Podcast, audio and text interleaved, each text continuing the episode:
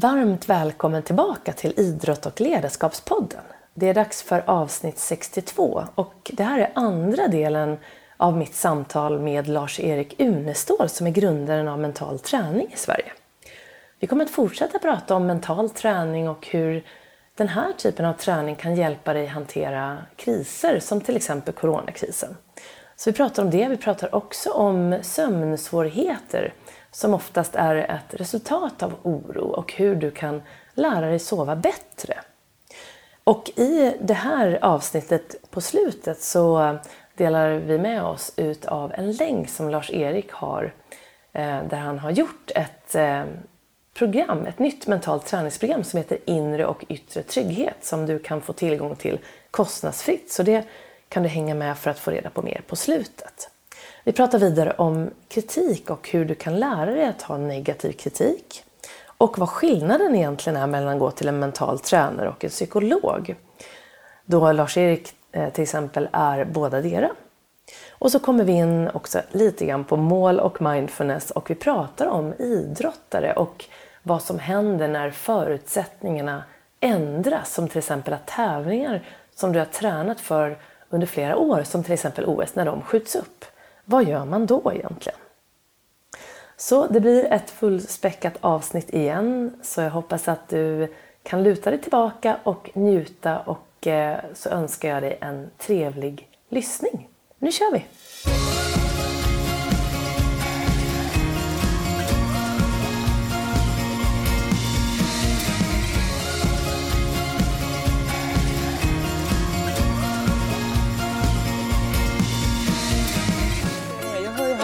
Eller har några OS-atleter nu som egentligen skulle åka till OS här i sommar. Apropå det här när målen kan, blir förflyttade eller förändrade. Och eh, även flera golfare som jag har jobbat med som har tränat liksom hela året för att tävla nu. Och nu är liksom tävlingarna inställda och, och framflyttade och så vidare. Så det var flera av dem som som märkte liksom att de känner sig eh, bara att det är väldigt tråkigt. De har inte riktigt tappat motivationen men det är svårt att ställa om. Liksom.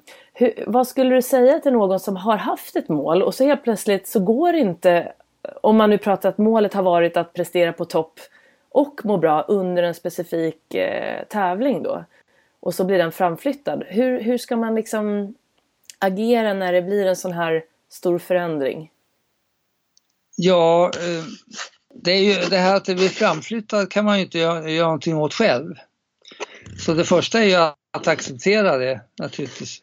Eh, och ställa frågan, hur ska jag kunna, hur ska jag eh, inrikta mig på eh, det är ju samma tävling, det är inte en ändring av det utan det är tidpunkten. Eh, hur ska, eh, kan det till och med finnas en fördel med att jag får ett år till på mig att förbereda mig för det här? Eh, jag försöker se det, eh, för, eh, fördelarna i det istället för att man hakar upp sig på nackdelarna för det, då har du en, en, effekt, en eh, inflytande på motivationen för träningen också. Eh, sen är ju när man tittar på träning och tävling så om det är så att man bara tränar eh, för, en, för tävlingens skull och träningen blir ett nödvändigt ont för att lyckas på tävling, då kommer inte träningseffekterna att bli lika bra som om man tränar för att man tycker det är roligt och för att man trivs med träningen. Så bara det att man ändrar attityd då till träningen istället för att säga ja, nu får jag kämpa ett år till med det här tråkiga eh, för, innan jag får eh, utlopp på OS. Säga, eh, ja nu får jag ytterligare en, en, ett år med den här trevliga situationen där jag får träna medan andra får hålla på och jobba och slita. Så kan jag få ha roligt genom att jag tränar. Då får jag också mer en positiv attityd till träningen och då har det visat sig att då ger träningen bättre effekt också. Just det. Ja, jättebra.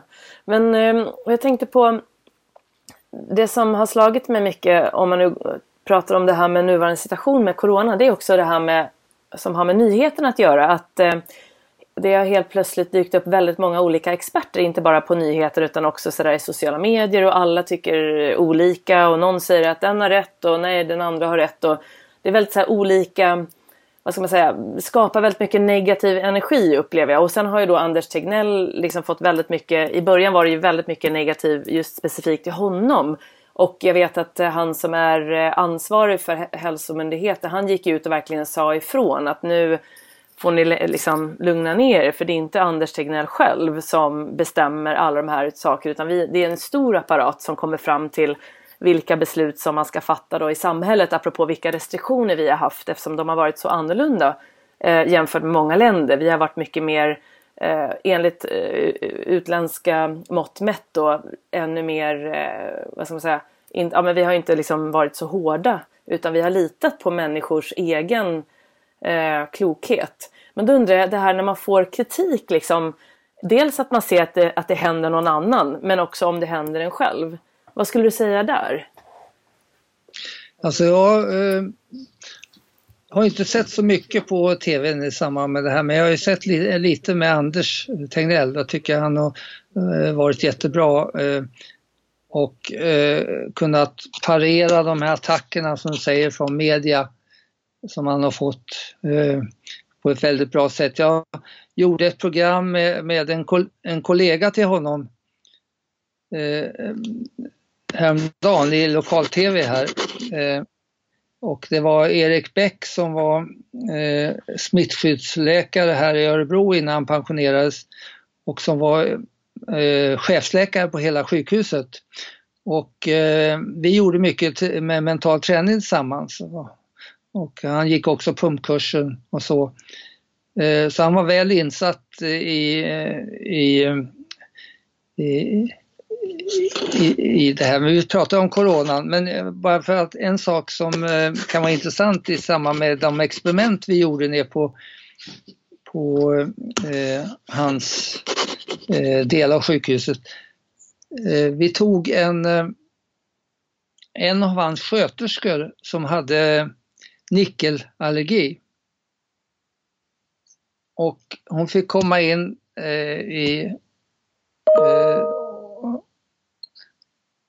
till oss och sen säger vi till henne att eh, ta av dig dina guldörhängen och lägg dem på bordet. Sen fick hon gå ner till det mentala rummet. Hon, hon hade tränat mentalt så hon hade det. Fick gå ner i självhypnos. Och sen säger jag till henne att eh, nu kommer jag efteråt att sätta in två nickelörhängen i dina öron. Sen vaknar hon upp och sen så tar jag hennes guldörhängen och sätter in dem. Och hon ser ju att det är hennes vanliga örhängen jag sätter in. Sen får hon gå hem. Sen kommer hon tillbaka dagen efter och sen säger hon det dröjde bara någon timma innan öronen började svullna upp och efter några timmar så var verken och svullnaden så svår att jag var tvungen att ta bort örhängena. Eh, på morgonen försökte jag nu sätta in dem igen och samma sak händer. Och då säger jag till henne, eller då säger vi till henne, ja men du vet ju att det är dina guldörhängen. Och då säger hon, ja men det vet inte mitt inre. Nej, just det medvetna har fått instruktioner att det är eh, nyckelörhängen. Då gör vi om sen efter eh, ytterligare en dag så gör vi om det tvärtom. Så hon får komma in, sen eh, så får hon gå ner sitt, eh, hon får ta bort sina örhängen och sen eh, får hon gå ner till det mentala rummet. Och så säger vi, nu kommer vi efteråt och sätta in dina vanliga guldörhängen. Och sen när hon slår upp ögonen så sätter vi in henne, eh, några nickelörhängen. Hon säger, du får inte titta i öronen på vad du har. Utan du får gå in och jobba på sjukhuset och så får du komma tillbaka. Sen kommer hon efter några timmar och ingenting har hänt i örat. Och då säger du till henne, ja men titta nu vad du har. Och så får hon förvissa sig om att det är nickelörhängen hur kommer det sig att eh, kroppen inte reagerar? då säger hon, ja men mitt inre har ju fått instruktioner att det är guldörhängen. Sådana experiment visar ju hur mycket eh, de här omedvetna tankarna och inställningarna, hur mycket det påverkar kroppen. Och eh, det gör ju att det blir väldigt viktigt att komma åt sådana tankar och sådana känslor som då har en direkt påverkan på kroppen på ja. olika sätt. Men i vilket fall, eh, vi gjorde ett program då eh, omkring coronan och där han just tog upp det som du, du var inne på, hur viktigt det är att, eh, eh, att man är att man inte eh, ökar rädslan på det sättet och att man inte angriper Anders som man gör för att han är förnuftig och, och, och mera sansad. Och, eh, för det, det, skapar ju också en hysteri att det här är jättefarligt, nu måste vi göra... Eh, det, eh, det kom en, en, eh, i British Medical Journal, tror jag det var igår eller förrgår, så, så säger man att nu har man kommit underfund med att det här med karantänerna, när man eh, stänger inne länder, det är vansinnigt säger man. Det, mm. det för med en ekonomisk härdsmälta och de effekter man har på eh, coronan är, är minimala. Eh, så det har ju lett till att eh, de, många andra länder än Sverige har ju varit mycket mera extrema. Och som tur var har vi haft Anders Tegnell och eh, de andra som har kunnat vara någorlunda sansade i Sverige. De, de säger också i, i den här British Medical Journal att eh om det var, jag kommer inte ihåg hur många procent, 60-70 procent har haft corona utan att de vet om det. Eh, och att för de flesta, eh, dels kan man alltså ha det utan att ens eh, känna några symptom och dels eh, har de flesta ganska lite symptom och så vidare. Så att det är ju en, en hysteri som är vansinnig utifrån verkligheten. Det ska bli otroligt spännande att se liksom, när det kommer mer sådana kanske rapporter om hur effekterna har varit med de här hårda åtgärderna kontra de som har gjort kanske lite mindre åtgärder. Vilket som eh, Eh, man vet ju liksom, jag antar att man gör det här för att man tror att det ska ge någon effekt och för att Kina var de första och de gjorde ju på det sättet där. Så då har man då härmat det vad jag har förstått.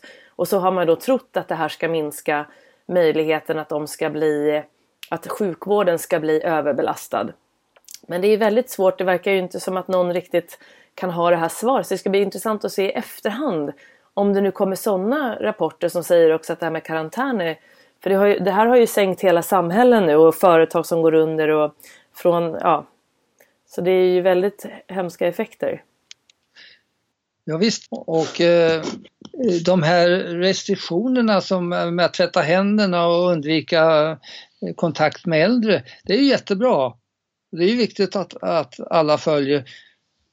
Men det innebär ju inte att man måste eh, ha upp en hysteri som gör att folk inte kan sova på nätterna och så vidare.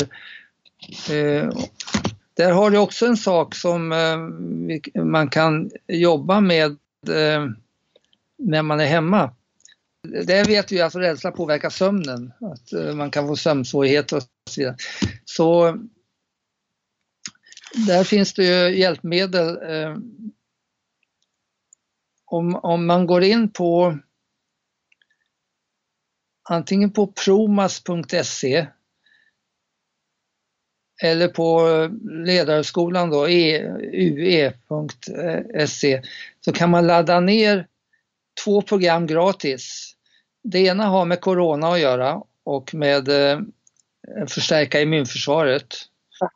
Och det andra har med att kunna sova bättre. Man får hjälp till sömnen. Och de är gratis, så att kan man ladda ner. Men det är fantastiskt. De finns på båda, eh, både på Proma, Proma ska jag komma tillbaka till, men eh, på Ledarskolan då, eh, på slh.nu. Ja så finns de att ladda ner. Då ska jag, lägga med, jag ska lägga med det här i länken till det här programmet sen så kan alla hitta det så kan de få en direktlänk. Det finns också på Promans och Promans är ju intressant också utifrån coronan genom att eh, eh Vet du någonting om Promans? Nej, nej, du får gärna berätta. Ja, Jo, för 15 år sedan så fick jag kontakt från Göteborg med en grupp som hade jobbat fram en, en massagestol som var medicinskt väldigt bra utarbetad. Och, eh, då frågade de, skulle vi inte kunna kombinera det med mental träning? Och jag brukar undvika att jobba med produkter och så men jag hade gjort det en gång tidigare i samband med den här eh, madrassen, eh, du vet eh, tempurmadrassen. Ja, just det. Han som uppfann den, han var väldigt intresserad av mental träning och hypnos. Och då sa han att eh, när jag ska gå ut med den här madrassen så vill jag egentligen inte gå ut med en madrass utan jag vill gå ut med koncept, nämligen att sova bättre. Där madrassen är en del och där den mentala träningen skulle kunna vara nästa del. Så vi gjorde något som heter Tempur University där jag gjorde då träningsprogram mentalt som man skulle kunna ta just innan man skulle sova på madrassen. Så det blev ett koncept där.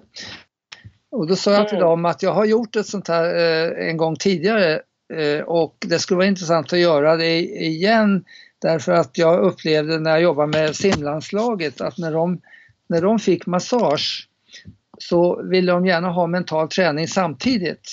Den Kombinationen var väldigt bra, de fick massage och samtidigt mental träning. Så det, det lät som ett bra förslag. Men då sa jag, då skulle jag vilja att eh, vi tar bort ordet eh, massagestol. För det finns ju många av. Utan vi gör någonting unikt istället. Och då blev det eh, kanske återhämtningsfåtölj. Eh, där massagen var en del men mentala träning var den andra delen då. Då gjorde jag ett antal program som man då eh, kan lyssna till i samband med att man eh, sitter i den här fåtöljen. Det här med återhämtning då, eh, det blev efter ett par år väldigt centralt i Sverige. Man visade då eh, till exempel på Karolinska så visade Torbjörn Åkerstedt som är professor och vår främste sömnforskare, han visade ju då att i princip kan man jobba och träna hur hårt som helst utan några effekter eh, om man får tillräckligt med återhämtning. Han visade då också eh, det här med, eh, ja han visade många saker men återhämtning plötsligt blev centralt. Man talade väldigt mycket om det. Och ett tecken på vilket intresse det plötsligt blev från statsmakterna för återhämtning var att när eh, vi tillsammans med Skövde universitet gick in och frågade kan vi få statsbidrag, eh, forskningsbidrag för att titta på effekten av kombinationen av eh, massage och mental träning så fick vi 3,8 miljoner för att undersöka det. Eh, och det visar lite av det intresse som har funnits för det här konceptet. Idag så finns eh, provmassfåtöljen på många företag. Eh, och eh, vad vi gör nu är att påpeka vilken nytta man kan ha av det i coronatider. Därför att eh, eh, flera av programmen i den mentala träningen har ju med att bli mentalt stark, det har med att få bättre immunförsvar, det har med att sova bättre, det har med att eh, saker och ting som då eh, motverkar coronan, gör mig starkare och som också kan lindra effekterna. Så eh, det gjorde att eh, jag fick ett telefonsamtal från han som är VD för två eh, veckor sedan. Han sa att under mars så har intresset för stolen eller för fåtöljen gått upp väldigt mycket på grund av coronan. Det har ju eh, med den möjlighet som man då har att eh, bygga upp eh, eh en annan attityd och också immunförsvar och så på det vi vet ju, det tog jag inte upp förut när det gällde immunförsvaret, att eh, stress och rädsla minskar immunförsvaret. Eh, och gör att man blir mer mottaglig för coronan. Så det har också en effekt där som är negativ, att man blir lättare smittad eh, om man går och är rädd. eftersom det påverkar då immunförsvaret.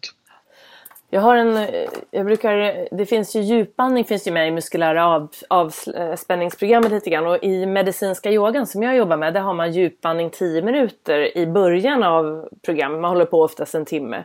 Och där har man ju sett liknande effekter där på just eh, djupandningens effekter på syresättningen till kroppen. Att det ökar syresättningen så mycket och att det därmed då stärker upp eh, eh, immunförsvaret. Så att allt det här med att bli lugn och sen också med suggestioner och sånt som har med positiva bilder om framtiden. Då blir det en extra dimension som den mentala träningen har. Precis. Till det lugnet, eller hur? Mm. Så mm, andningen ingår ju som du vet i den mentala träningen. Man får lära sig buk, eh, magandas och, och andas djupare och så. Och, och det blir, mer, det blir ju ett, en eh, färdkost ner till det mentala rummet genom andningen. Men eh, andningen i sig har som du säger också en effekt så att man kan mycket väl ta ut den här första delen i mental träning och jobba med den. Eh, och det har ju eh, Anders gjort. Eh, Olsson. Vet vår... Olsson. Anders Medveten andning. Ja, just det. Ja. Så att, eh, jag gjorde ett program med honom då eh, eh, som jag har med i pumpkursen. Ja, den är jättebra. Och, eh, eh, sagt att ta gärna ut den här delen från mental träning och jobba speciellt med den också separat som han gör. Eh, han utbildar ju andningspedagoger och andningstränare. Och, eh, en enkel sak eh, som han propagerar för det är ju att andas genom näsan. Eh, och han har ju till och med då sådana här tejper man kan sätta på munnen på natten. För annars är det väldigt lätt att man andas genom munnen på, på, natten. Och det är en enkel sak som man kan göra, sätta en tejp över för att just andas genom näsan. Han är ju den enda som har sprungit, eh, eh sprungit Lidingöloppet med tejpad mun. Ja. Det är helt otroligt. Och vet du vad jag hörde en läkare sa häromdagen, att, apropå corona då, att när du andas med näsan så kan du inte smitta för då kommer det inga droppar ut som kan smitta. Så att andning genom näsan är också bra för att undvika, om du nu skulle möjligen ha någon smitta utan att du vet om det, att andas med näsan, då blir det liksom riskfritt kan man säga. Precis, så både här att andas genom näsan och sen lära sig att djupandas eh, är jättebra. Och, och, det har ju att göra med eh, alltså, innan Anders började sin verksamhet så eh, hade han ju en, en vän som var läkare som skrev en bok, nu kommer jag inte ihåg vad den hette, men i den boken så, så försöker han förklara de här eh, medicinskt svårförklarliga sjukdomarna vi har haft under de sista 20, 30, 40, 50 åren som man inte medicinskt har kunnat förklara. Ni vet äh, fibromyalgi och det här med ryggont och så, där man inte hittar något medicinskt. Han har försökt att förklara det med att det har skett en kulturell förändring av andningsmönstret. Där vi genom att vi lever i en mer stressande tid börja andas mer med bröstet, eh, tappa lite av den här djupandningen som vi hade förr. Och genom det så får kroppen inte den syresättning som skulle behövas och att det kan ligga till grund för de här svårförklarliga sjukdomarna. Det är en väldigt intressant teori. Och i vilket fall vet vi ju att den här eh, djupare andningen är nyttigare på många olika sätt. Och därför kan det mycket väl ligga någonting i, i eh, hans teorier i den boken. Men det hjälper inte en människa att säga att eh, eh du andas för mycket, du har för mycket av stressandning med bröst och så. Eh, från och med nu ska du andas med magen. För att tio minuter senare så har man gått tillbaka till den automatiserade andningen. Så det måste tränas in. Eh, och man kan mycket väl då börja med eh, tio minuter som du säger och sen eh, upprepa det eh, 10 minuter, 10 minuter till dess att kroppen har lärt sig att andas på ett annat sätt än det man brukar göra. och det kan ta lite tid därför att det här har ju kommit under många år och blivit eh, så automatiserat så att eh, det finns ju där utan man tänker på det. Just det. Vi pratade mycket om träning och det är det jag kommer ihåg när jag, när jag valde liksom vilken, att gå in och bli mer licensierad mental tränare för att jag ville verkligen jobba med det här med mina elever också. Och då brukar jag ibland få elever som, som inte vet vad mental träning som, som kanske vill börja träna med mig. Då, så undrar de vad skillnaden är på att gå till en mental tränare till skillnad från en psykolog eller en psykoterapeut. Och du är ju psykolog i grunden och kan ju liksom allt om det här. Vad skulle du säga om en person till exempel känner stress och han är inte sjuk på något sätt utan det liksom känner stress, oro, liksom, ja, eh, har svårt att sova och eh, mindre problem och, och undrar då vem ska jag gå? Hur vet man när man ska gå till en mental tränare kontra en psykolog eller psykoterapeut? Jo, om man tar skillnaden mellan mental träning och idrottspsykologi så eh, jag var ju, var ju psykolog och idrottspsykolog från början. Och det var ganska ovanligt då så att i den första olympiaden 76 så var den enda idrottspsykologen av alla nationer så var det bara Sverige som hade en. Eh, jag gick runt och frågade men ingen visste det. Mental träning visste de ju inte vad det var. Nej. Eh, då. Eh, så, men eh, så kom jag in i styrelsen för världen eh, i SSP, International Society of Sport Psychology, och satt där i 12 år. Och då märkte jag att eh, det vi lärde ut då i idrottspsykologi, det hade väldigt, eh, det, det blev inte tillämpat av idrottare och tränare i, i olika länder av två skäl. Det ena, de tyckte att det var alldeles för teoretiskt. Många gjorde sina uppsatser på idrottssidan mera för att få en uppsats, för att eh, det skulle säga någonting som var nyttigt för idrotten. Så man tyckte inte man hade så mycket att hämta därifrån. Men det som, var, eh, som gjorde mest då att man inte gick till en idrottspsykolog, det var det här att idrottspsykologi var kopplat till det jag kallar kliniska modellen. Eh, dit gå om det är något fel, något problem. Eh, medan mental träning var kopplad till utvecklingsmodellen, den använder man för att bli bättre. Och det är den modell jag kallar för idrottsmodellen. Eh, eh, så idrottsmodellen skiljer sig väldigt mycket från den psykologiska eller kliniska modellen. För i, för i den kliniska modellen då gör du någonting först när du får problem. Ja. Du går inte till en läkare och säger att eh, ja, jag mår jättebra eller till en psykolog och säger jag, mår, jag sov jättebra i natt. Utan du ska klaga på någonting, du ska ha ett problem när du går till en idrottspsykolog. Och det gjorde att eh, många ville inte säga att de skulle gå till en idrottspsykolog för då sa deras kompisar i idrotten och sa vad, vad är det för fel på dig? Är det något fel i huvudet på dig? Så där fanns det en, en motvilja motvilja eh, mot att använda idrottspsykologin praktiskt. Så vad jag försökte då det var att på de kongresser vi hade så försökte jag få in det här med mental träning som en alternativ modell. Så jag fick i uppdrag att arrangera världskongressen i idrottspsykologi 1985. Eh, gjorde det i Köpenhamn då tillsammans med det danska idrottsförbundet. Och då försökte jag få igenom då att vi bildar en annan förening då för, för mental träning så att inte den, för då från början så kopplades den ihop med idrottspsykologin. Mentala träningen var en del av idrottspsykologin. Och det var synd för att då fick den också sin stämpel på att eh, mental träning det, det tar man till när man har problem.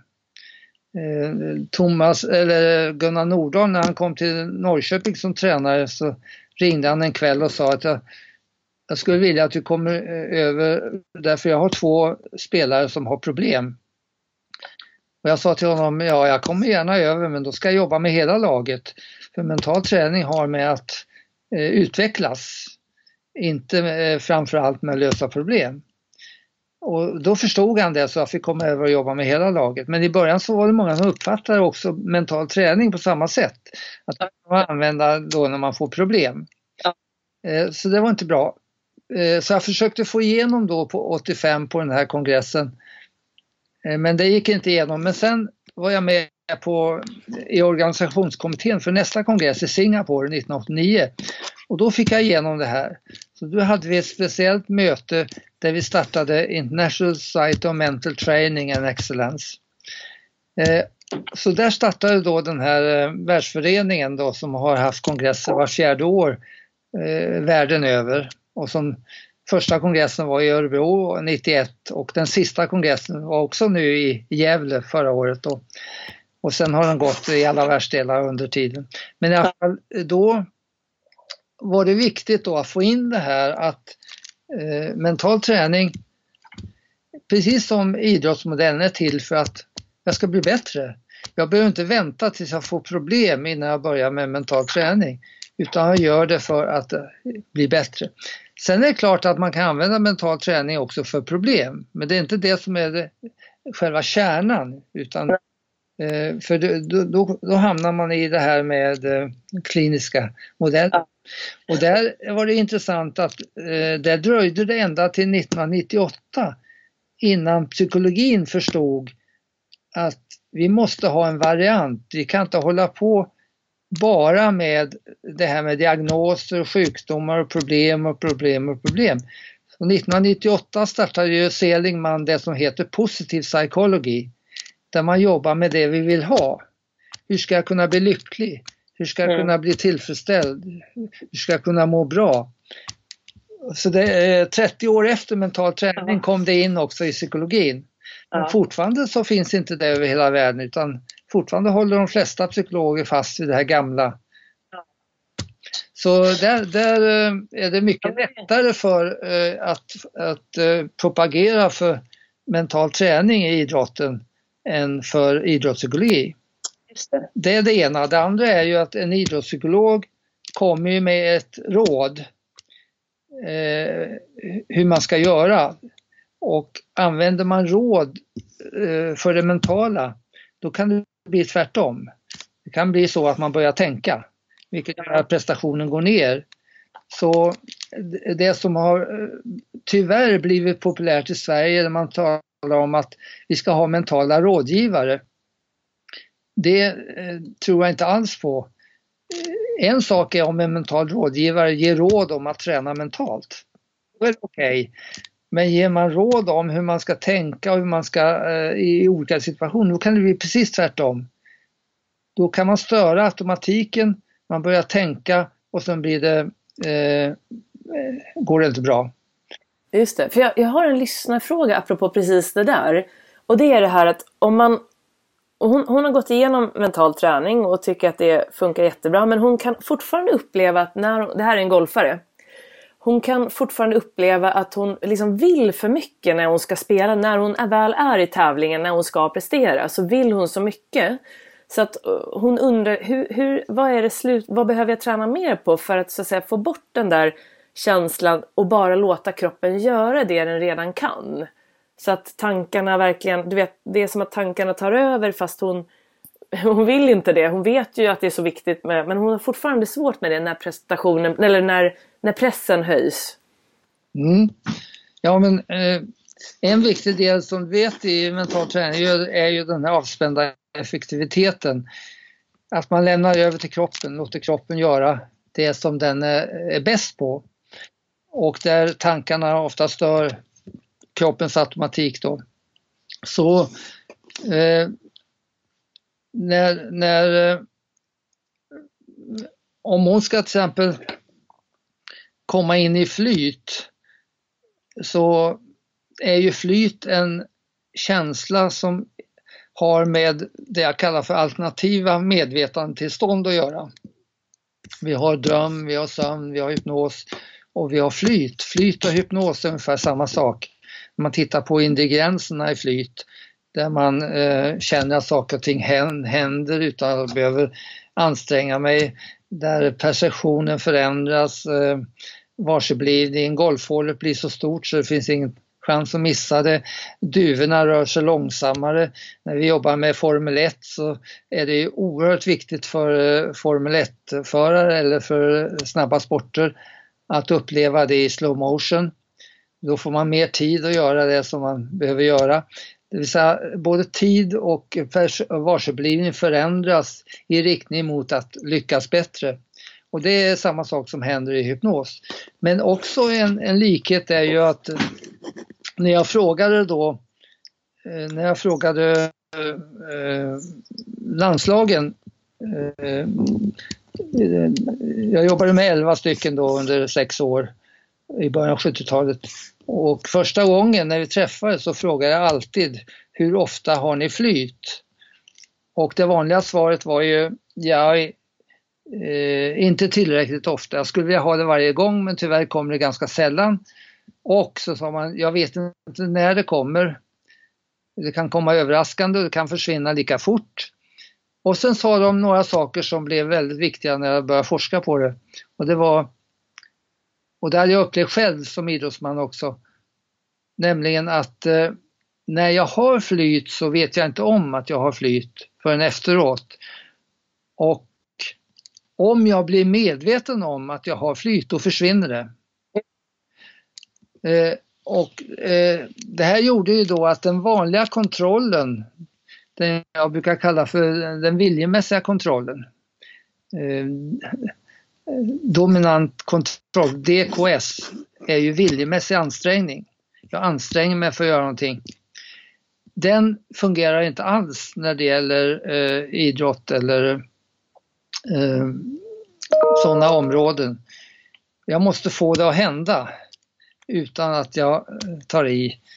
Eh, jag tror att förra gången kanske jag berättade om eh, vad som gjorde att vi började testa på vad är den ideala muskulära situationen för en eh, e-, elitidrottare. De nämnde det. Ehm, orsaken till det var ju att i första olympiaden hade vi en 100 meterslöpare som vi hade stora förväntningar på.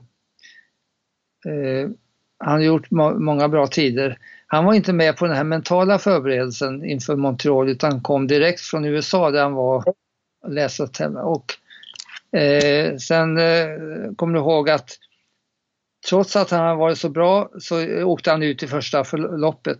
Någonting hände efter 50 meter och när jag frågade honom vad var som hände sa han jag märkte att jag, eh, jag började tänka att jag måste nog öka farten så jag började ta i och när han tog i så gick farten ner. Och det ledde fram till att vi gjorde med EMG undersökningar då, vad är den ideala muskulära situationen i olika landslag? Och som skiljer dem från andra som inte är lika bra.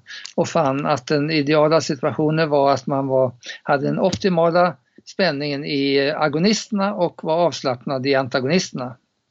Men det är inte en sak som man kan åstadkomma viljemässigt. Jag kan inte gå och tänka på vilka är som är antagonister nu och hur ska jag slappna av dem. Så därför bygger ju, eh, bygger ju inlärningen på att man går igenom en mental grundträning där man lär hela kroppen avslappning.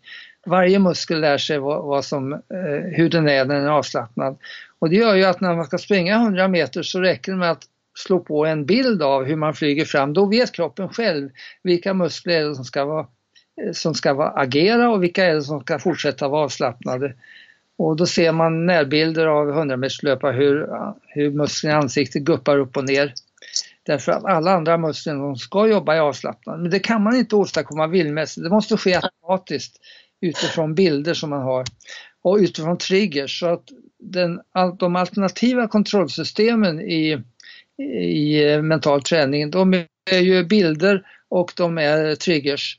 Man styr kroppen med bilder, eh, bilder som man programmerar in innan eh, man eh, skjuter straffen, innan man går fram för att göra den, eller en höjdhoppare, han skapar bilder innan han börjar springa. Eller ännu längre innan, som man inte ens behöver tänka på det i samband med till exempel en fotbollsmatch, så bör man göra det dagen innan att man går igenom bilder som föreställer hur, hur, eh, vilken taktik man ska följa och hur man ska spela och så. Så att eh, man inte behöver tänka när man kommer till matchen. Och då, då i, i, golf så är det vanligt att man då, där man har programmerat in till exempel flytet, att man får det att komma med hjälp av triggers. Och eh, var hämtar jag flytet? Jo, det hämtar jag från tidigare upplevelser av flyt. Och sen kopplar jag det till min trigger. Och man kan välja vad som helst som trigger. Eh, Annika Söderstam sa ju att hon hade det att hon tryckte till på klubban innan hon skulle slå som en trigger. Och det kan vara så, man kan vara att man ställer fötterna i ordning och så. I början så föreslog jag, när jag började jobba med golflandslaget 79, då föreslog jag att eh, man skulle ha det när man valde klubba, att det skulle vara en trigger. Men det var, ligger för långt från själva det är ungefär 30-35 sekunder innan man ska gå eller putta.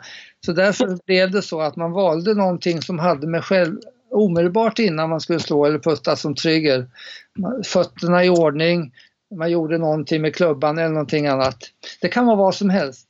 Men genom att man har kopplat det i huvudet, ungefär som Pavlos eh, klassisk betingning, kopplat det till tidigare upplevelser av flyt, mm. så kommer flytet när man gör triggern. Men ska man då säga nu vill jag ha flyt, då blir det precis tvärtom. Så man måste gå en annan väg än genom att vilja eller försöka eller se till att Just det, jag brukar nämna Jason Day. Han hade en, jätte, ett, en bra förklaring på vad han gjorde i sin rutin. Han är ju en professionell spelare på PGA-touren som har hållit på mycket med meditation och sådana saker. Men han ställer sig bakom bollen, sen visualiserar han då bollbanan eh, innan han ska slå då, när han står bakom bollen, tar ut siktet och så färglägger han den med en blå färg. Och sen precis innan han, sen så gör han sin rutin, går upp till bollen, sen precis innan han ska slå så blundar han och ser den här bollbanan en gång till. Sen tittar han och gör det han har bestämt och då har han alltså, i, i hans fall så fokuserade han slaget alltid till bollbanan och det kan ju vara eh, något annat men jag tyckte det var en bra förklaring till hur han kunde vara kvar och eftersom rutinen i golf är ju så specifik kring det du gör just vid bollen, det är ju en ganska kort stund. Det var, ju, det var ju ingen trigger men det är ju också ett sätt, apropå bilder där, att hela tiden försöka påminna sig om vad är det jag ska göra precis också innan slaget. Ja. Jo precis, som jag sa kan man ha både trigger och eh, en bild. Och eh, eh, bilden kan har ju ofta varit den som du berättar. Eh, jag har ju, eh, har ju träffat Janne Alriksson. Ja. Han jobbar ju med en del golfare också och han har prövat eh, en annan, eh, ett annat sätt som han eh, tycker har fungerat ännu bättre. Eh, och det är att han får golfaren att förflytta sig till nedslagsplatsen och sen vända sig om och se sig själv i utgångsläget. Eh, och sen se slaget. Det vill säga eh, att förflytta sig dit man vill att bollen ska hamna. Och eh, det är en intressant variant som han tycker har fungerat väldigt bra. Ja. Ja, gud, det där är spännande. Jag skulle vilja bjuda in honom faktiskt till podden här. Jag har tänkt höra av mig till honom. Då kan vi prata mer. Men jag tänkte på, apropå en sak som jag också har en fråga här om. Det var eh, några som jag tränar i golf också då som undrar för ibland brukar jag prata om mindfulness och det är ju det här att komma tillbaka till nuet eh, och att prestera på topp och verkligen må bra eh, just där du är. Men, och framförallt när du har en idrott då eh, i, i, din golf då, att det är så viktigt att vara i nuet. Men då, och då började jag prata om rutinen och vi gjorde den här, till exempel vad är det som ska starta din rutin och vad är det som ska avsluta den. Och så um, hade jag två övningar. Den ena är då att du ska ha en tanke, försöka bestämma vilken känsla du vill ha precis innan du ska slå slaget. Och om du tappar bort den så får du avbryta och göra om eh, svingen. Eller bara för att träna på att ta tillbaka fokus till det du har bestämt. Och sen förlängde jag det då till att, eh, att du skulle försöka behålla fokus under hela rutinen, inte bara vid när du ska slå bollen. Och det här kan ju då vara aktuellt till exempel om du känner dig orolig Eh, och det börjar, pressen börjar öka och tankarna verkligen börjar bombardera dig sådär. Men då så sa jag så här att precis när du ska då, när du har startat rutinen med att till exempel ta upp klubban ur baggen så ska du försöka vara med tanken i det du gör. Så till exempel nu håller jag i klubban, nu går jag fram till bollen, nu tittar jag på bollen, nu tittar jag på, alltså man är liksom, apropå att vara mindful precis i det du gör, men då blev de lite förvirrade med så här, ska jag tänka på det jag ska göra? Och då blev det lite, det var många som inte förstod hur man skulle göra det. Vad skulle du säga hur mindfulness, att vara mindful i det man gör och samtidigt vara fokuserad på liksom slaget. Hur skulle du eh, liksom förklara det. Vad är det bästa att göra där egentligen? Det fanns ju, när det gäller mindfulness så fanns det vissa som Eh, i början upplevde att det fanns en motsats mellan eh, den mentala träningens måltänkande och eh, det här att leva i nuet. Och den här lilla skepsisen hade väl lite att göra med också med att mot mål hade vi också att göra med att en, en viktig del av stresshanteringen som ju mindfulness började med, med yoga kabat-zinn, eh, hade att göra med just tankarna på allt man ska göra och allt stress i framtiden, att hinna med och så vidare. Och att, eh, att bli av med det så menar man ju mindfulness att eh, kan man koppla bort tankarna på det som har varit och tankarna på det som ligger framför och bara leva i nuet så eh, är det eh, att föredra. Men eh, vad, en del missuppfattade det ju då att eh, ja, då ska vi inte, då ska vi inte ha målen med. Eh, men då, då blir ju nuet inte en process. Ett, en nu, ett nu finns inte egentligen. En nu är ju en skärningspunkt mellan det förflutna och framtiden. Och den har ingen utsträckning i tiden. Så egentligen finns inte nuet, utan det är en övergång hela tiden. I och med det blir det en process. Eh, och, då är, och är, är det en process så är det viktigt att veta vad processen ska leda till. Annars är det ingen process. Eh, då skulle det ideala eh, mindfulness skulle eh, vara att man ligger på soffan och tar droger för då lever man verkligen i nuet. Men då tappar man ju lite, då tappar man ju lite av eh, det viktiga i, i livet. Att, att ha en avsikt, ett syfte.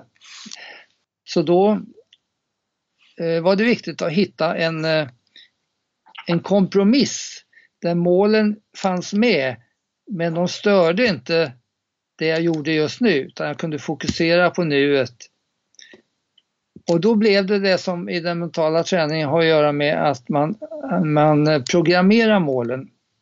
När man har bestämt dem så programmerar man in dem och sen ligger de och styr nuet, styr processen i nuet så att nuet leder fram till målet men utan att jag behöver fundera på målet.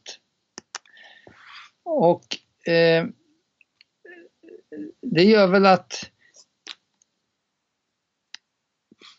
Jag eh, tror ju mycket på i de idrotter där man kan lägga målprogrammeringen en bit innan. Eh, som man kan göra i fotboll och i lagsporter och så. Medan i de idrotter där målet varierar beroende på nusituationen det får bli en kombination av att programmera in saker som är mer generella för alla moment i, i tävlingen och sen kunna ha visualisering alldeles innan moment som är speciella och som jag inte har kunnat eh, programmera in i förväg längre tid. Så det blir en slags kombination av eh, eh, lång tid innan programmering till programmering alldeles innan då. Eh, sen eh, om, om, du med fokus på nuet menar att man ska få vara fokuserad på det man gör för att hindra distraktioner att komma in. Då, när jag skrev eh, golfboken, då hade jag ju två exempel med Trevino och eh, Niklaus. Alltså? Var det Jack Nicklaus och Trevino? Eller? Ja, just det. Ja, Nicklaus. Ja där eh, Niklaus försökte behålla fokuseringen under hela golf.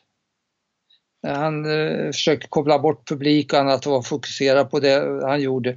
Medan Trevino var lika fokuserad när han skulle slå eller putta men däremellan så kunde han skämta och prata med publiken och, eh, och då kom ju frågan, vilket är bäst? Ja, det har nog med kanske personlighet att göra. Eh, för, för Trevino innebar det att han genom att han kunde koppla av mellan eh, vid förflyttningar och sånt där han inte behöver vara koncentrerad så kunde han gå in och, och bli fokuserad ännu mer. Men det fordrar att man har en trigger som gör att koncentrationen kommer just när man behöver den. Har man inte det, då blir det kanske som med, med eh, Niklaus, att man försöker hålla fokuseringen under hela tävlingen och koppla bort publik och sånt hela tiden. Så att eh, det kan ha lite att göra med om man har lärt in det här med triggers eller hur man är som människa. Ja. För jag, jag, jag kommer ihåg när jag tävlade en gång och så blev jag så himla nervös. Det började gå ganska bra. Det här var ganska nyligen. Jag slutade ju tävla liksom aktivt. Det var ju många, många år sedan. Men det här var bara förra sommaren. Och då vet jag att vid puttningen så blev jag så himla nervös vid de här korta puttarna. Och då, då blev jag så, och nej jag kommer missa och du vet alla tankar kom. Trots att jag då tränat hundra gånger på, på det här. Liksom. Men, och då tog jag faktiskt till det här att okej, okay, jag känner gräset under fötterna. Jag håller, jag tittar på bollen och ser hålet och så såg jag bollban och sen så, och då hjälpte det mig att liksom bli lugn för att jag lät tankarna landa i eh, någonting som var, när, som var här och nu. För att det som hände då var att jag började tänka på resultatet längre fram. Så på så vis, och då, det var det jag började tänka på hur, hur man kan använda den tekniken i rutinen hela tiden för de som är väldigt nervösa och börjar tänka på resultatet. För jag märkte att det funkade väldigt bra vid puttningen och sen så, så har jag funderat på vad är det bästa där just under själva rutinen. Att man ska man fokusera på, fortsätta fokusera på målet och en sak och bara göra det man gör eller kan man applicera det här även där när då den här oron blir så stark. Och då kan man ju då lägga in triggen såklart där. Ja, alltså eh, det, en, en princip som har funnits med i många sporter det är ju det här att eh, göra sitt eget lopp, göra sin egen tävling, göra sin eget utan att bry sig om de andra. Eh, det, det, har visat sig så många gånger hur, hur bra det är när, eh, när Johan Olsson, när vi skrev när, den här boken tillsammans eh, eh, så tog han ju upp sitt eh, det berömda lopp där han fick eh, Svenska Dagbladets guldmedalj på. Och hur, hur han bara tänkte på sitt eget lopp och inte brydde sig om de andra. Trots att han kom långt efter och sen vann han till slut i alla fall. Eh, eh, och det har funnits med i, i många idrotter som en fördel om man kan göra sig i skytte till exempel när man börjar tänka på hur de andra ligger till då, då brukar det gå åt skogen va? istället för att fokusera mm. på sin egen. Eh, och eh, när eh, eh så still i huvudet. Eh, jag tänker på mm, British Open. Eh, med mm. Henrik Stensson? Nej. Nej. Tidigare. Um, han, eh, gam, hur, vem, spelaren eller? Mm. Vem, ja, nej jag vet inte. Familjen, TV-familjen. Parnevik? Ja, ja Parnevik. just det. Eh, eh, när han och Tumba och några till, när vi hade en, en utbildning då eh, i hans tidigare karriär, så pratade vi just om det här, hur viktigt det är att, jag tog upp det här, hur viktigt det är att man fokuserar på sitt eget spel istället för att titta på hur, hur man ligger till och hur de andra är. Så första gången han ledde British Open, då följde han det här. Han fokuserade fokuserade bara på sitt eget spel.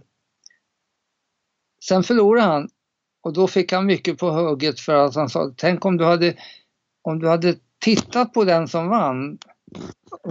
Så, eh, men eh, i, i, verkligheten så, ja, jag kommer tillbaka till det. Sen andra gången han ledde British Open, då hade han fått så mycket kritik för att han inte eh, tittade på de andra att då började han titta på de andra och då gick det åt skogen. Ja. Eh, Men vad som hände första gången var ju att den som vann, han fick ju en igel tror jag det var på 16. Så, så det var inte det var inte på grund av att han då inte uppmärksammade den andra utan det var genom att han eh, fick den här igeln och så som han vann.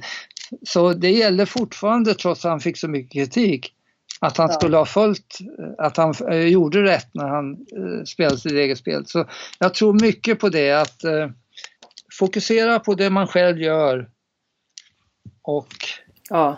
eh, Och ha, ha det hela tiden komma tillbaka till. Ja. Men du eh, Lars-Erik, för jag skulle, det känns som att vi har, skulle kunna fortsätta här hur många timmar som helst. Men det, det jag tänkte här som avslutning, så apropå framtiden så kommer det komma då en tid efter det här med coronakrisen. Men vad tror du är viktigast att tänka på som individ nu? Om, om vi ska lämna någon, något råd eller liksom någon tanke till de som lyssnar som vad, vad är det bästa man kan göra nu, så att säga? Ja, det är nog det som vi var inne på att eh, eh, fråga Eh, vad ligger innanför min kontroll? På vilket sätt kan jag ha nytta av eh, coronakrisen? På vilket sätt kan jag vända det eh, från, en nackdel till en fördel?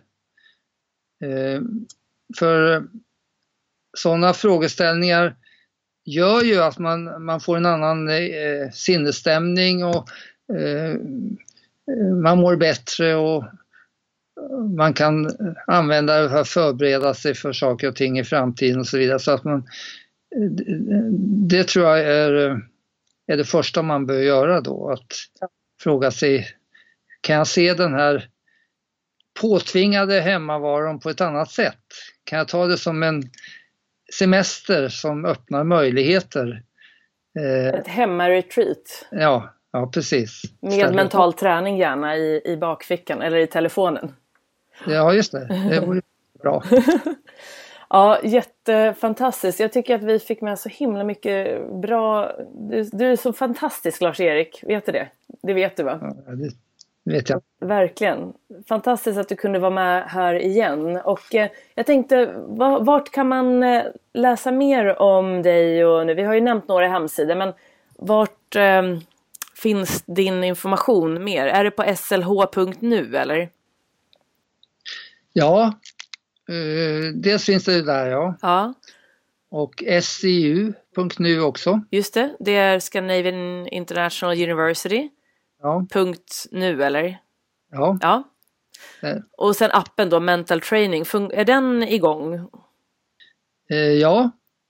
Tänker du på engelska eller? Ja, jag tänkte på där man kan ladda ner programmen. Alla de här träningsprogrammen som ni har. Ja, ja precis. Det finns ju ett eh, hundratal program att ladda ner. Ja, Och sen finns de här gratisprogrammen just det. både på SLH och på Promas. Just det, och det, jag lägger upp de här länkarna också här i texten till den här, det här avsnittet som kommer komma ut. Eh, Och på Promas så eh, om de inte har den här fåtöljen kan de sitta på den också. Det är ju en kombination av, ja. Ja, att den är ju, det är en fantastisk. Den ska jag ta med också som eh, länk. Men du, eh, Lars, är det något du skulle vilja tillägga innan vi avslutar? Nej, inte mer än att eh, eh jag eh, har länge tyckt att du gör ett jättebra jobb med att eh, sprida information om det här området. Och eh, det du tar upp eh, har ju en speciell tyngd också genom din bakgrund så att eh, därför är det jättekul för mig att få medverka i ditt program. Ja, men tusen tack. Och du är ju anledningen att, eh, att jag håller på med det här nu och att jag också skrev boken. Utan att du gav mig den där sista peppen när vi sågs första gången där på, eh, hos dig i Örebro. Det var 2016, då hade jag inte skrivit boken. Nej, just det. Så det är ju din förtjänst allting. Toppen. Ja, men tusen tack Lars-Erik för att du var med och varmt lycka till och eh, tack för all inspiration och kunskap och jag hoppas verkligen att vi kan ses nästa gång så vi slipper ses på Skype. Att vi kan ta den där lunchen nästa gång vi ses när vi gör det här. Okej, bra. Ja, Ha det bra. tack så jättemycket. Hej då. Hej då.